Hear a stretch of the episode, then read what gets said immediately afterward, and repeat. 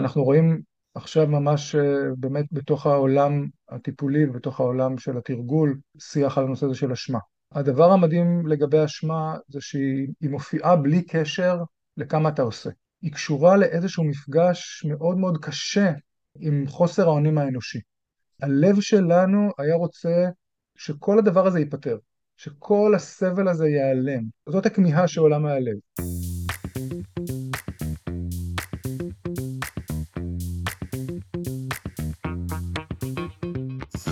שלום לכולכם, ברוכים הבאים לעוד פרק של הפודקאסט למצוא את הפלוס. גם הפרק הזה מוקלט בימי אה, מלחמת עזה. אנחנו בתקופה שהתודעה והאמונה ומרקם החיים שלנו ספג אגרוף אה, חזק בבטן. הקיום הפיזי, הרוחני שלנו התערער, האמונה שלנו על טוב ועל האנושיות נסדקו.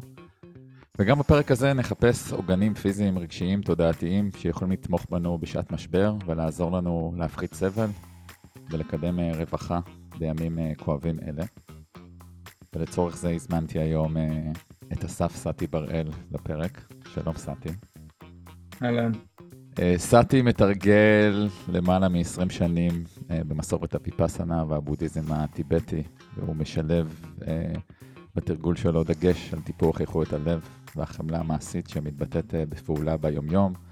הוא מלמד פילוסופיה ובודהיזם במסגרות שונות, הדוקטורט שלו גם עסק במפגש בין הגות מערבית דיאלוגית ובין uh, תפיסה בודהיסטית. Uh, אני הכרתי סאטי, מכיר אותו מתובנה, מהתרגולים שלי ומהקורס הנפלא שלו לעומק החמלה וחמלה וחוכמה. ממליץ לכם, הם פתוחים uh, בספוטיפיי, אני אשים פה גם קישור. והזמנתי אותו היום כי אנחנו, או לפחות אני, ממש זקוקים לחמלה בימים האלו.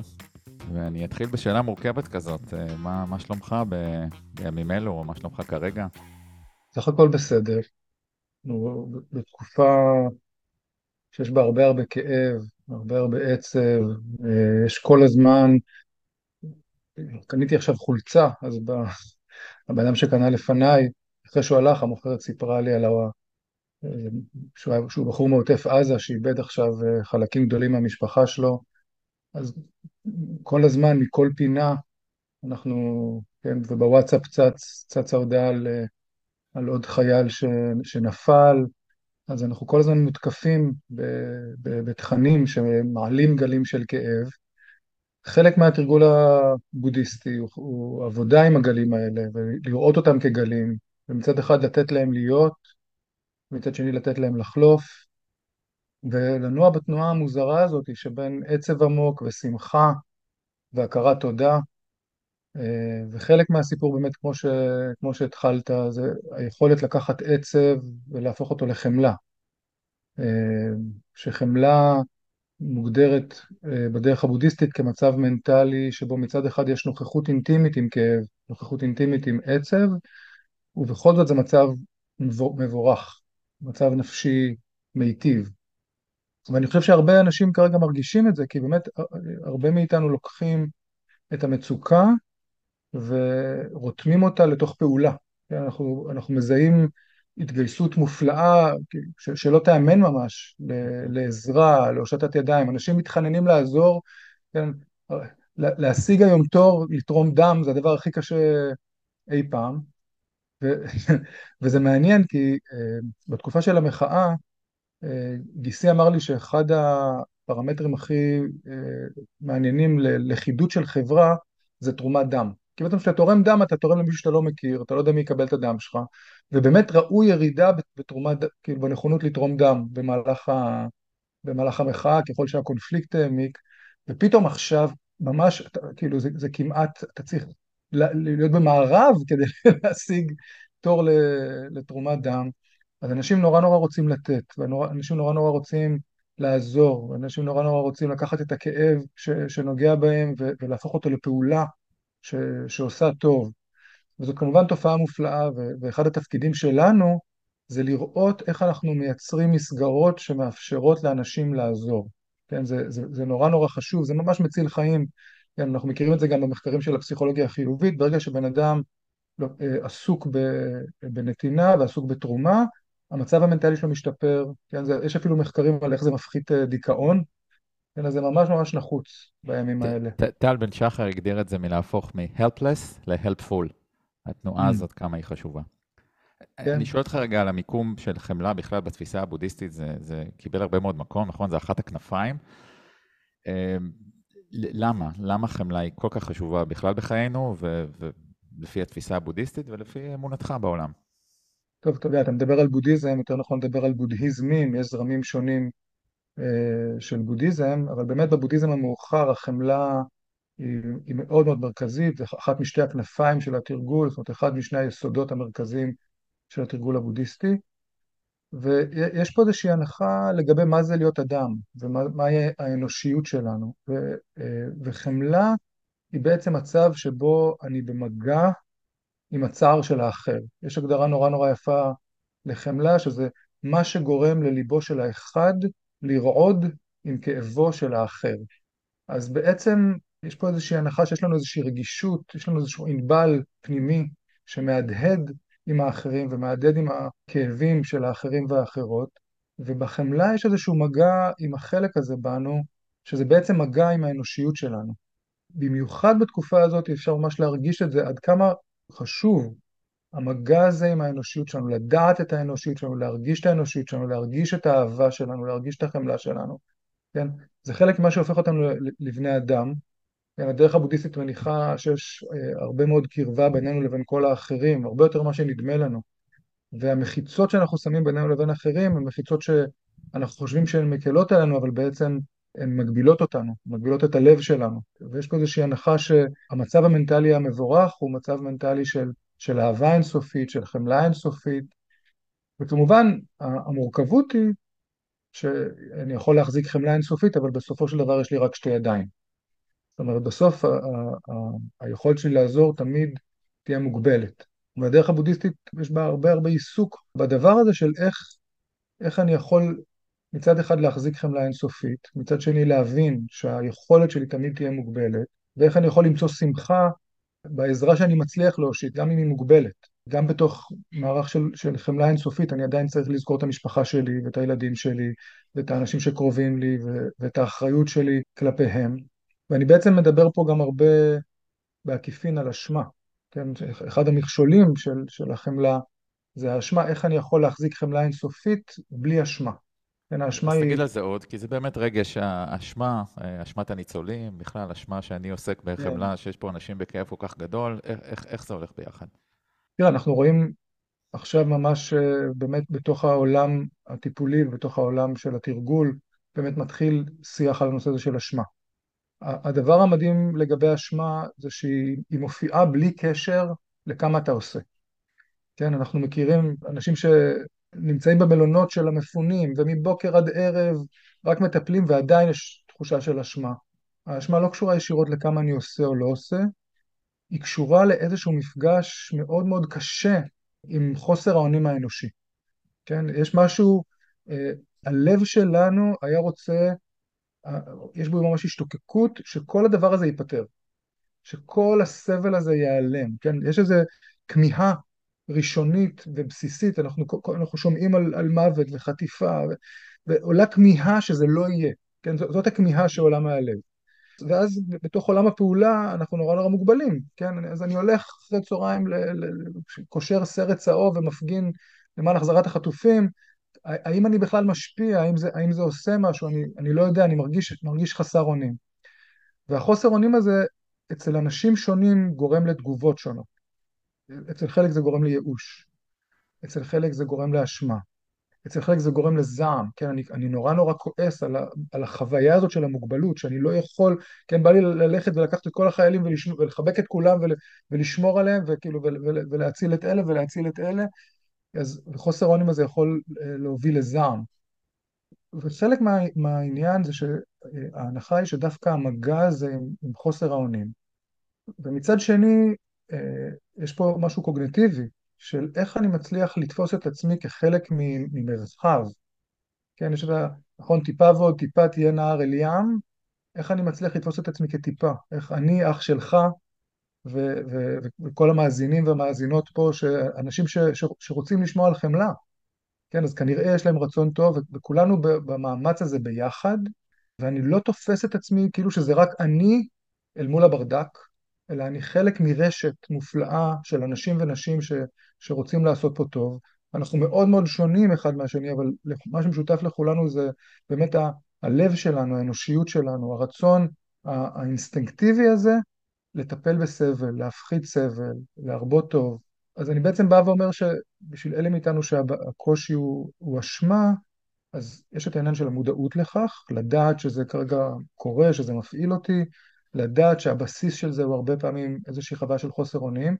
מצד אחד, כן להיות במגע עם חוסר האונים הזה, שיש בו משהו, אבל מצד שני, לשים לב שאנחנו לא לבד.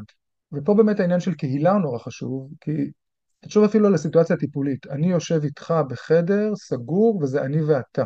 אם אני הייתי פותח קליניקה של מטפלים, הייתי, הייתי בונה אותה בתוך מבנה מעוגל, שהקליניקות הן צמודות אחת לשנייה, ואני כל הזמן יודע שיחד איתי יש עוד, עוד 20 מטפלים ממש ברגע זה שמטפלים בעוד מישהו, ואנחנו במאמץ הזה ביחד. ובאמת, אגב, אנחנו יודעים שיש הבדל בין מצב של, של מטפל שמטפל לבד, לעומת מטפל שהוא חלק מצוות טיפולי, שחושב ביחד ופועל ביחד, ולדעת שאני חלק מקהילה. ואני יכול לדעת את זה מתוך, בצורה ממשית, כן, כמו שעכשיו תיארתי, ויש גם איזשהו עניין של איזושהי ידיעה פנימית שהיא קשורה לאיזושהי תשומת לב ולהגיד, רגע, יש המון המון אנשים שעוזרים עכשיו. ופה העניין הוא עניין של הפניית קשב. איפה הקשב שלי נמצא? האם הקשב שלי נמצא בחוסר האונים, או שהקשב שלי נמצא בזה שאנחנו כולנו ביחד כוח גדול, כן? איפה אני ממקם את הקשב שלי? אני שואל אותך למה זה לא הדיפולט, כלומר, שאתה מתאר את זה, וגם מי שככה קצת הולך בדרך, מבין את הערך של הדבר הזה, אבל האוטומט שלנו הולך דווקא לקיבוץ, לסגירה, לאני. זאת שאלה מרתקת, למה זה ככה? אתה יודע, אני, הבודהיזם הוא נורא נורא מעשי, הוא בעיקר מתעניין ב, אוקיי, זה ככה, איך אני, מה עושים? אם אתה שואל אותי, אני חושב שיש פה איזשהו עניין ביולוגי אבולוציוני, שהאינסטינקט הוא אינסטינקט של דאגה עצמית, mm-hmm. כן? והוא אינסטינקט בריא. כן. אינסטינקט הישרדותי כזה של אני קודם כל צריך לדאוג לעצמי, אני קודם כל צריך לדאוג למשפחה שלי, אה, וגם יש איזושהי הטעיה, כן? אם, אם אני עכשיו סגור בחדר ומטפל באדם אחד, אז יש איזו אשליה שזה רק אני והוא. והיכולת להרחיב את המבט ולראות שממש ברגע הזה יש אה, רק פה ב- בישראל עשרות אלפי, מאות אלפי אנשים שמחפשים דרכים לעזור, והיכולת להתחבר גם ללבבות. כן? לא, לא רק כלפי, כאילו יש את האנשים שממש פועלים ויש את האנשים שהיו רוצים לפעול, כן? אז, יש, אז כרגע פועמים מאות אלפי ואפילו מיליוני לבבות שיש בהם, שיש בהם חמלה, אבל האינסטינקט הוא אינסטינקט של קיבוץ. אנחנו ממש חודש למלחמה הזאת, אנחנו מתחילים לדבר על חמלה, ואתה החלוץ בנושא הזה, ואנחנו מתחילים לדבר על עבודה עם אשמה. חלק מהסיפור זה שהרבה מאיתנו כרגע בהלם טוטאלי. המלחמה הכתה אותנו באיזשהו הלם נפשי ממש ממש קשה, והאינסטינקט בתוך הלם זה קודם כל להיסגר. קודם כל, כן, זה באמת מצב הישרדותי כזה של איזשהו ניתוק, כן, כדי, כדי שאני אוכל לפעול, כדי שאני אוכל, אה, בתוך טראומה, כדי שאני אוכל להמשיך לתפקד. אז יש פה, יש פה איזה משהו תפקודי, ואנחנו בדיוק בצומת כזאת שאוקיי, אה, עברנו את החודש הראשון, ראינו שאנחנו מתפקדים, ראינו שאנחנו מתפקדות, עכשיו הגיע הזמן רגע לעורר מחדש את הלב שלנו, לתת לו להינגע. וחלק מהסיפור הוא גם כשיש כל כך הרבה כאב, ובאמת ראינו, ב, ראינו ואנחנו רואים בחודש הזה כאב עצום, יש גם איזה אינסטינקט של לסגור את הלב, כי, mm-hmm. כי, כי, אחרת הוא פשוט מוצף. כן. אני ככה אשתף אותך שאני חבר בכל מיני קהילות בינלאומיות של אנשים שמחזיקים את התדר אה, של חמלה ואהבה. ואני קצת, אה, אני עוד לא מדבר על, הצד השני, אני מדבר על אנשים שהם עומדים לצידי בהרבה מאוד מקומות, ואני מסתכל ימינה ושמאלה, וקולם מעומעם עד לא נשמע, ואני ככה תוהה איתך, איפה, איפה הדבר הזה פוגש אותך, וזה מעציב אותי, ממש. תראה, ברשותך, אני, אני אגיד, יש לי תשובה אה, לדבר הזה, זה דווקא מאוד נהיר לי. אבל אני רוצה להגיד שהכאב הזה שאתה מדבר עליו הוא חלק מגל של כאבים. יש, יש את מה שקרה בשבעה באוקטובר, בשבת האדומה, השבת השחורה, אין מילים שיכולות לתאר את, את, את, את הטבח, ה, את כל מה שקרה שם. יש את הכאבים ש, שממשיכים של החטופים, יש את הכאבים של, של החיים, יש את הכאבים של הרבה מאיתנו גם כואבים על מה שקורה בעזה, כן, זה גם מכאיב לנו. ולזה מצטרף גם הכאב שהרבה מאיתנו מרגישים ש, ש, שאין מישהו שדואג לנו בתוך מצב כל כך כואב. ואז גם האנטישמיות, זאת אומרת, יש פה באמת הרגשה של מתקפה נוראית על הלב. ומה שקרה להרבה אנשים בעצם בשביעי לאוקטובר זה שאתה אמרת את זה בפתיחה, הביטחון הקיומי שלנו הופר. משהו נסדק גם בביטחון הפיזי, פתאום חשש ממלחמה מדרום, מלחמה מצפון, מלחמה מבפנים, ממש משהו נסדק, אנשים מלאים בחרדה. ומהצד השני גם משהו נסדק באמונה באדם. פתאום ראינו רוע ששמענו עליו כשלמדנו על מלחמת העולם השנייה, אבל פתאום ראינו בעיניים ביטוי של רוע שמזוויע בהיקפים יוצאי דופן, ותכף ניגע באיך זה פוגש את, את האנטישמיות ואת ה, אמ, את חוסר היכולת לגנות את זה, אבל, אבל קודם כל יש רגע אחד של לדעת שקרה פה משהו מטלטל, וחלק מהסיפור הוא שהאמונה שלנו באנושי, האמונה שלנו באנושיות, האמונה שלנו במין האנושי, בבני אדם, כן, אנשים מדברים על, אני מתחרט שהבאתי ילדים לעולם, כן, ממש הרגשה שהעולם הוא מקום, הוא מקום רע.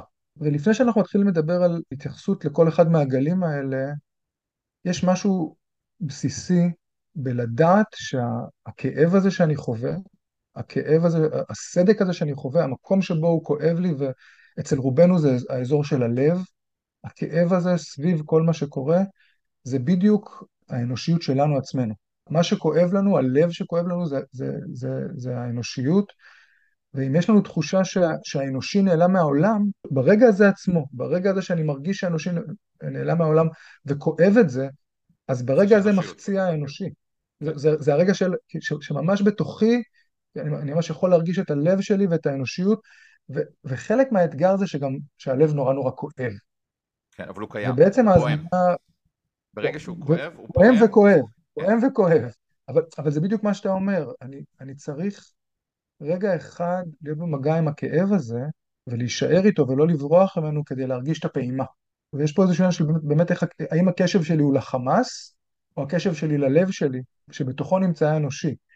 כשאני ממקם את הקשב כאן, בלב שלי, אז אני רואה אנושיות, ואז אני גם רואה אותך, ואני רואה את העיניים שלך, לשמחתי, בניגוד למאזינים, אז אני רואה גם את העיניים שלך ורואה את, את האהבה שלך ואת החמלה שלך, ואני פוגש את האנושיות, ואז אני מסתכל מסביב ואני רואה שהמון המון אנשים מסביבי עם, עם לב כואב, עם לב אנושי כואב, ו, ושוב פעם יש פה עניין של הפניית קשב. אני רוצה לשים לב לחמאס, כי צריך לטפל בזה, אבל אני רוצה גם שיהיו לי רגעים שבהם אני שם לב לאחים ולאחיות שלי בכל העולם, בכל מקום, אנשים שמחוברים לאנושיות שלהם, שהלב שלהם פועם, שרוצים עולם טוב, שרוצים עולם של אהבה, שרוצים עולם של חמלה, אז אני רוצה קודם כל להיות במגע עם האנושיות הזאת. ואני ככה אקשה עליך עוד, אני שואל אותך גם ככה באמת מתוך הכאבים שלי. בתרגולי החמלה, בתרגולי המטה, שזה טיפוח איכויות הלב, אנחנו מרחיבים אותם מעצמנו אה, החוצה בהתחלה לאנשים קרובים לנו, אחר כך ככה לאנשים יותר רחוקים, וברמה מסוימת עד לכלל העולם, לכל היצורים החיים, אה, וברמות רדיקליות אפילו לאויב, אוקיי? כרגע, ואיך אפשר לתרגל חמלה מעבר לעצמי ולקרובים ולפצועים ולחטופים ולחיילים. לשותפים שלנו לסבל. תראה, בשביל לענות לך על זה אני צריך קודם כל לענות לשאלה הקודמת שלך, אין ברירה. ואני מסתכל מצד אחד בהשתהות, אבל זה לא מפתיע אותי, אבל אני עדיין, אני בכל זאת מופתע מזה שחלקים גדולים מהקהילה הבינלאומית לא מצליחה לגנות את הטבח הנוראי הזה. ולפני שאני הולך לדבר על חמלה לאויב, אני צריך להגיד שהדרך כן, הבודהיסטית מאוד מדגישה את התרגול המוסרי. והציווי הראשון בבודהיזם זה לא לקחת חיים. בטח, והציווי שמרחף מעל הכל זה הציווי לא לפגוע. ומה שאנחנו ראינו בשבעה באוקטובר זה, זה פשוט זוועה.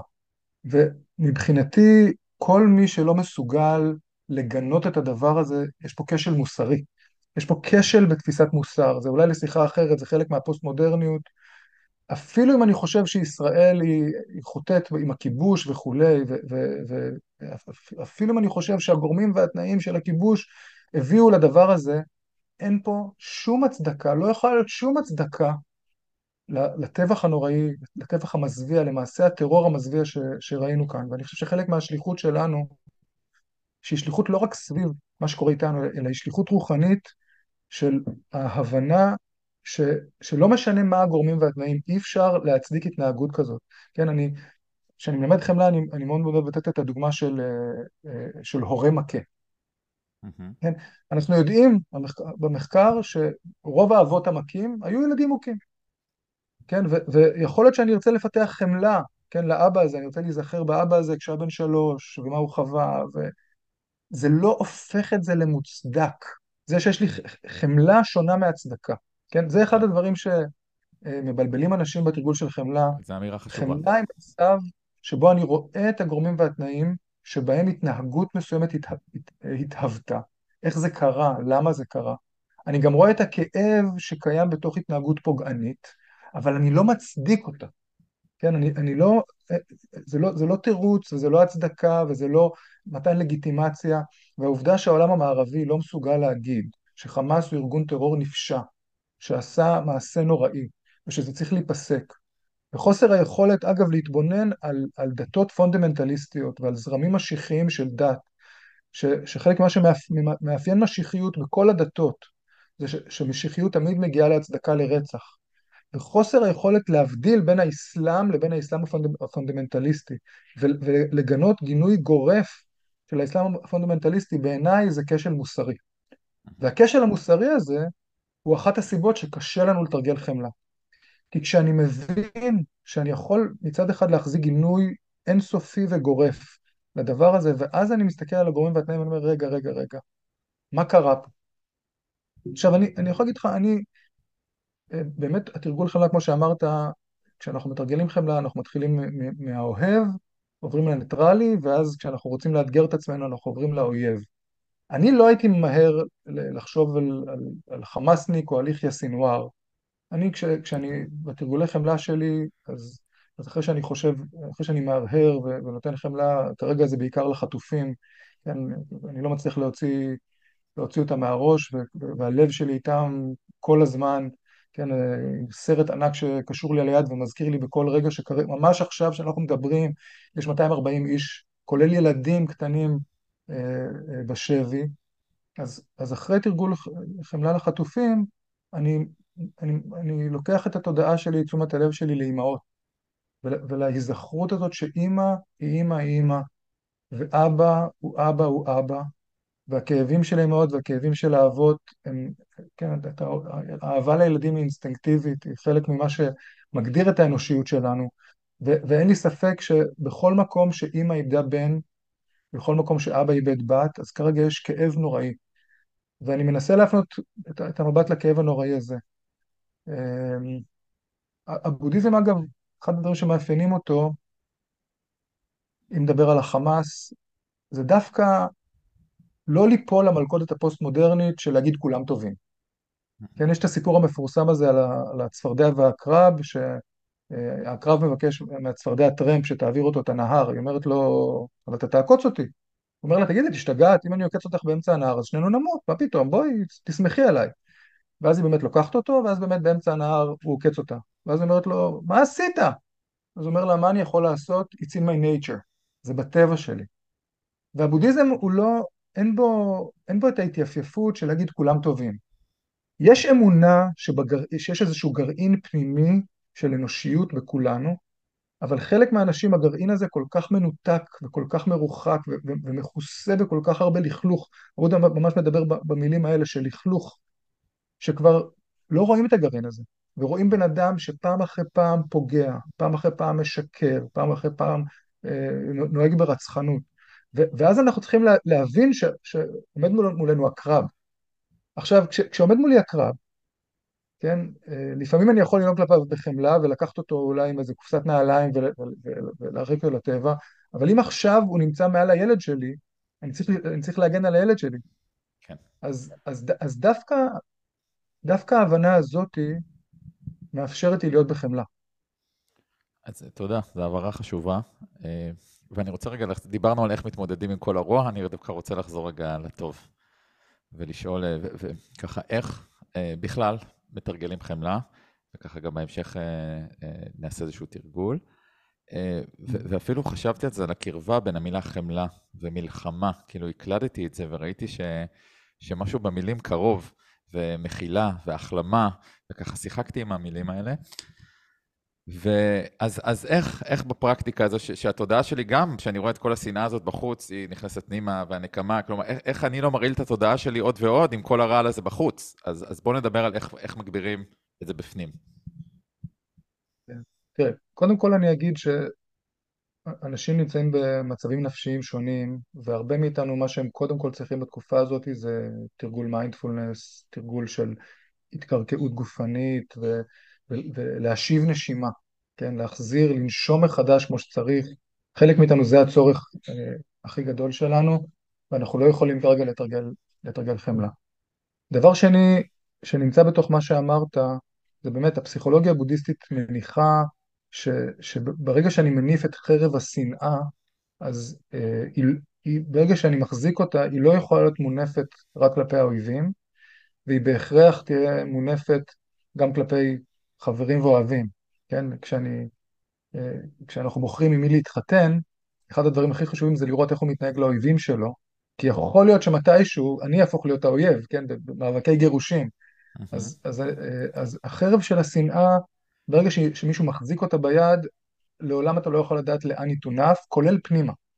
כן. אז יש פה באמת הנחה, הנחה בודהיסטית, ש, שאנחנו רוצים לשמור על התודעה שלנו מפני כעס, מפני שנאה, ומצד שני, זה לא שאנחנו רוצים לגנות את עצמנו כשעולה בנו, כן? מן הסתם אל מול כל המראות האלה עולה זעם ועולה כעס ועולה שנאה, אבל זה משהו שאני לא רוצה לשמור עליו, כן? אני רוצה... לא להיאחז בו.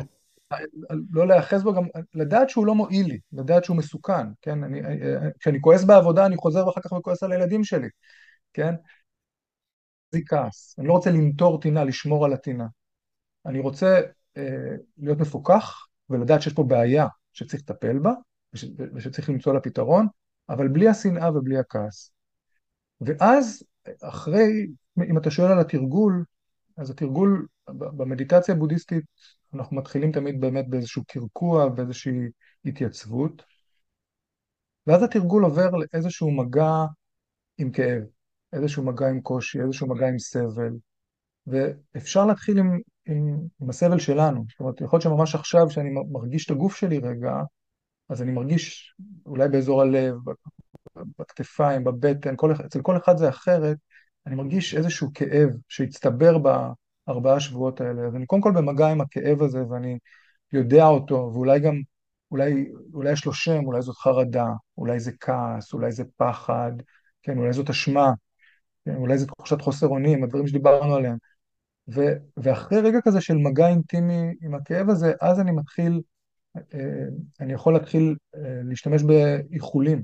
כן, אנחנו יודעים, אגב, גם פה מהמחקר של הפסיכולוגיה החיובית, את, את העוצמה הזאת של מילים, של לאחל איחולים. כן?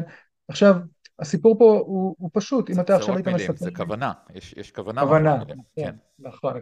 זה מילים, וכו... מילים ש... ש... שמממשות כוונה. כן. אם אתה עכשיו היית מספר לי על ש... ש... שאתה סובל מחרדה, או, מ, או מעצב עמוק, או מיגון, אז אינסטינקטיבית היו קורים לי כמה דברים. הייתי, הייתי רוצה להושיט ידיים, אולי לחבק אותך, אולי להגיד לך, אני פה איתך, אל תדאג, אולי להנכיח את הרצון שלי ש, שהבעיה הזאת תיפתר בכל, כן, בכל מיני דרכים. אז במדיטציה בעצם זה מה שאנחנו עושים. אנחנו יושבים, ואנחנו אה, אה, בשלב הראשון עושים את זה עם עצמנו, אחר כך לוקחים אדם אהוב, מישהו שאנחנו אוהבים מאוד והלב שלנו נפתח עליו בקלות, ואנחנו מתחילים להציע לו משפטים של חמלה. הלוואי שהקושי הזה יקטן, הלוואי שהקושי הזה יפחת, הלוואי, אם אפשר, שהקושי הזה ייעלם. אנחנו ממש מציעים את היכולים של החמלה, ואנחנו משתמשים בנשימה שלנו כדי לנשום נשימות של חמלה ולנשוף נשיפות של חמלה. יש פה בעצם איזשהו אימון, שאחר כך כמובן אנחנו מממשים אותו על בני אדם, כן, על, על האנשים שאנחנו פוגשים אה, ביום יום, אבל באיזשהו מקום, כשאנחנו עושים את זה עם עצמנו, אז זה כמו חדר כושר, יש אפשרות סטרילית להתאמן, כי אה, נגיד אשתי מנהלת מערך טיפולי, טיפולי עצום והיא עובדת עם, עם, עם מפונים ופוגשת המון המון כאב. אז כמובן שאני רואה אותה בערב ואני רואה את הכאב ש, ש, שנצבר אצלה במשך היום, עולה, עולה בי הרבה חמלה, אבל הרבה פעמים אם אני מתחיל להציע לחמלה, אז מיד צריך כבר להפוך את החמלה לפעולה, להדיח כלים, כן, מה שצריך לעשות. ולא תמיד יש לי אפשרות להיות באיזושהי נוכחות לבבית מלאה, מכל מיני סיבות. וכשאני עם עצמי, אני כן יכול להיות באיזושהי נוכחות לבבית מלאה ולעורר את הלב שלי. וזה מתחבר לדברים שדיברנו עליהם בעצם מההתחלה. אני רוצה להיות במגע עם הלב, להיות במגע עם העולם הרגשי שלי. אני רוצה להצליח עד כמה שאפשר בתקופה הזאת להיות במגע עם הכאב שלי, עם הכאב של האחרים. וכל עוד אני יכול לשמור את המגע הזה מבוסת, כן, אנחנו, אה, אם, אם אני מרגיש שכרגע הנפש מוצפת, אז זה לא זמן טוב. אבל אם, אם, אם, אם, אם אין הצפה, אז אני כן באיזשהו מגע עם הכאב הזה, ומתוך הכאב הזה אני מנסה בעצם להפוך את הכאב לחמלה. עכשיו, לא אמרנו את זה בפתח הדברים, בבודהיזם חמלה, נתנו הגדרה אחת, יש הגדרה שנייה, הרצון שהאחר יהיה חופשי מסבל. והיא האחות של האהבה, האהבה זה הרצון שהאחר יהיה מאושר. אז uh, כשאני רואה את אשתי ואני אוהב אותה, אז אני הולך ומכין לה אולי כוס תה, ואולי uh, עושה משהו שמשמח אותה. זאת האהבה, והחמלה זה לפגוש את, ה, את הסבל, לפגוש את הכאב, לפגוש את הקושי, ולהגיד, רגע, מה אני יכול לעשות כדי שהסבל הזה יפחת? אז, אז בואו ככה נציע איזושהי טעימה והתנסות, אה, כי, כי נכון, זה משהו מעשי, זה לא רק משהו תפיסתי. לגמרי. אז אם זה בסדר, ברשותך, תנחה אותנו באיזה טעימה של אה, תרגול, אה, נראה לי, אני לפחות זקוק ונראה לי שאני לא היחיד. אוקיי, אז אני רוצה להזמין, אלא אם כן אתם נוהגים ונוהגות, אם אתם נוהגים ונוהגות אז שתגיעו הביתה, אז אני רוצה להזמין רגע ישיבה זקופה. רציתי לקחת כמה נשימות עמוקות, קודם כל לקרקע את הגוף שלנו, להתמקם בתוך הגוף, להתמקם עם הנשימה. אנחנו רוצים מצד אחד לשבת זקוף, אבל מצד שני שיהיה לנו נוח. במיוחד כשאנחנו עובדים עם הלב, אנחנו לא רוצים שהגוף יכאב, אז אם צריך להישען, אפשר להישען. ואם אנחנו ערניים, אפשר גם לשכב. ניקח כמה נשימות עמוקות, שאיפה דרך האף, הנשיפה יכולה להיות דרך הפה, להחזיר קצת חמצן, להרגיש איך כל שאיפה ממלאת את הבטן, ממלאת את החזה, אולי נרצה לקחת את הכתפיים אחורה, לפתוח את בית החזה, לפרוס את הידיים ולתת לכל הגוף להיפתח. ורגע אחד לדעת את הגוף היושב, לדעת את הגוף הנושם.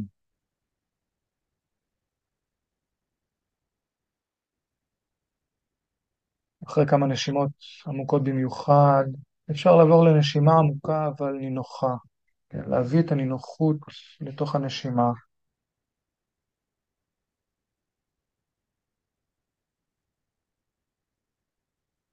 שאיפה, נשיפה. הרגליים נינוחות, הידיים נינוחות, הפנים נינוחים, העיניים רפויות, אפשר לעצום אותן, הלחיים רפויות, השפתיים רפויות. אפשר להרפות את השפתיים לתוך חיוך קטן, להרפות את העיניים לתוך חיוך קטן, להמשיך לנשום.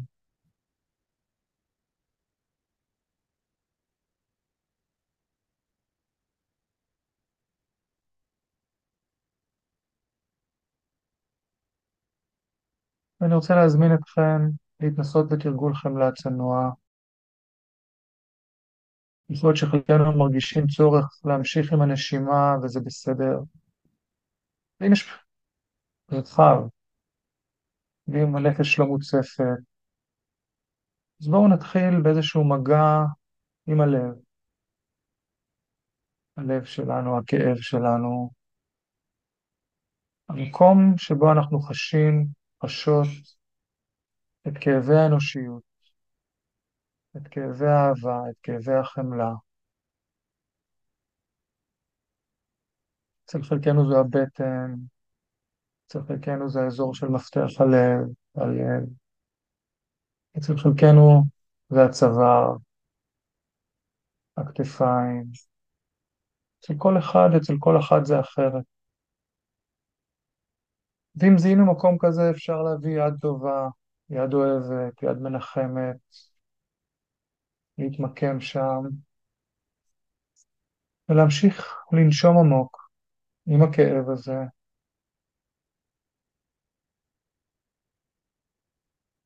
ואולי לכאב הזה יש שם, חרדה, פחד, עצב, יגון, כעס, שנאה, אשמה, בושה, בלבול, חוסר אונים. כל אחד מאיתנו, כל אחת מאיתנו, איזה רגש, רגע הכי מכאיב.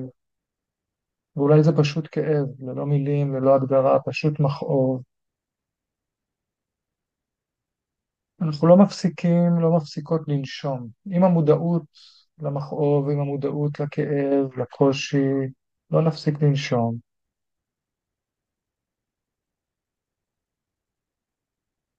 עם הנשימה, בואו ננסה להציע איחול. בואו ננסה להציע לעצמנו, לחרדה שלנו, לכאב שלנו, לכעס שלנו וכולי. בואו נגיד לעצמנו, הלוואי שהכאב הזה, הלוואי שהקושי הזה, הלוואי שהמכאוב הזה יפחת, יקטן, אפילו ייעלם. לא לשכוח לנשום נשימות עמוקות. זה האיחול. איחול שהכאב שישנו אולי יפחת, אולי יקטן, ואולי מתישהו, אם אפשר, אפילו ייעלם.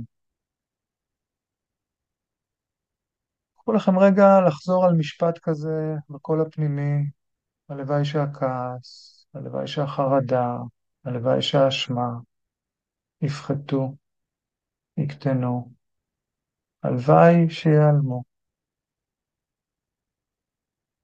תוך כדי המשפט אנחנו לא מפסיקים לנשום נשימות של חמלה. אפשר גם לחייך אותה. הלוואי שיפחת. הלוואי שיקטן. הלוואי שיעלם. הלוואי שיהיה לי טוב. הלוואי שיהיה מאושר. הלוואי שיהיה מאושרת. אנחנו מקנחים, מקנחות באיחול של אהבה, הלוואי שיהיה לי טוב, הלוואי שיהיה לי טוב, הלוואי שיהיה מאושר, הלוואי שיהיה מאושרת. אפשר לנשום את זה עמוק, אפשר לחייך את זה.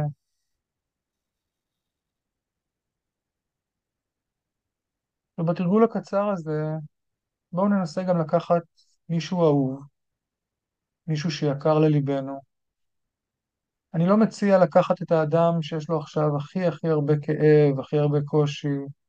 אנחנו ללא ספק, ספק מכירים אנשים אהובים, נשים אהובות, שיש להם קושי, שהתקופה הזאת מאוד מאוד קשה להם, מאוד מאוד מכאיבה להם. אבל לאו דווקא ללכת לשבויים וכולי, לחטופים.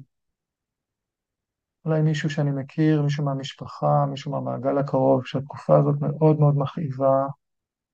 אפשר להיזכר בפעם האחרונה שראינו את אותו אדם ואת הכאב שלו, להיזכר במה שהוא יאמרו, להיזכר בפנים, להיזכר בעיניים, להיזכר במחוות קטנות של כאב.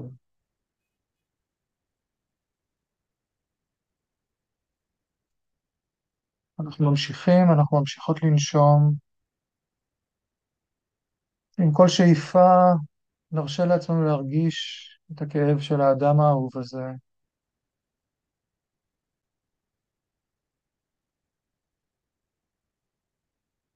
ומתוך המודעות הזו, מתוך הנוכחות הזו, מגיע איחול החומל, הלוואי שהכאב הזה, הלוואי שהקושי הזה יפחת, יקטן, ייעלם. לא לשכוח לנשום עמוק. אולי האדם האהוב חווה כעס, שנאה, אולי זה עצב, אולי זה קושי, בלבול, כאב נפשי, כאב פיזי, אשמה וכולי. אפשר ממש לאחל לו או לה, הלוואי שהעצב הזה יפחת, הלוואי שיקטן, הלוואי שיעלם.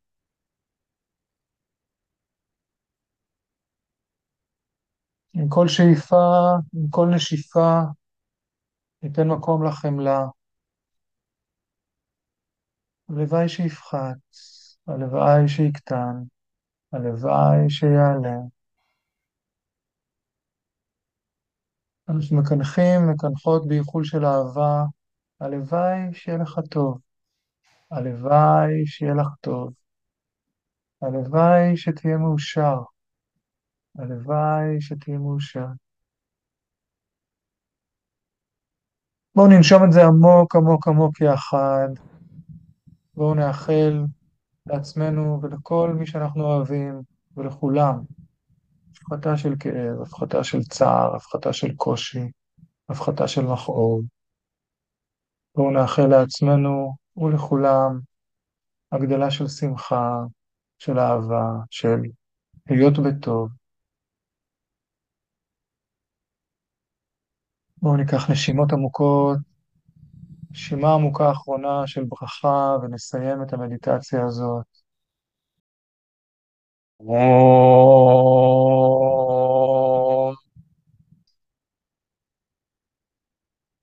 אפשר לאט, לאט לפתוח עיניים. האום הזה שסיימנו איתו, ההודים מאמינים שיש לו השפעה רוחנית עמוקה. לכל הפחות יש משהו ברטט של המם ושל האו, שלפעמים מרטיט את הלב שלנו, אז אפשר לנסות את זה. כן, זה תרגול נחמד לעשות את האום הזה, לראות איך זה משפיע ואיך הרטט הזה של המ... איך הקול שלנו רוטט והלב שלנו רוטט. וואו, תודה. אה, מרשה לעצמי להיספג בזה, לתת לזה להיספג בי. חשוב, חשוב, נדרש.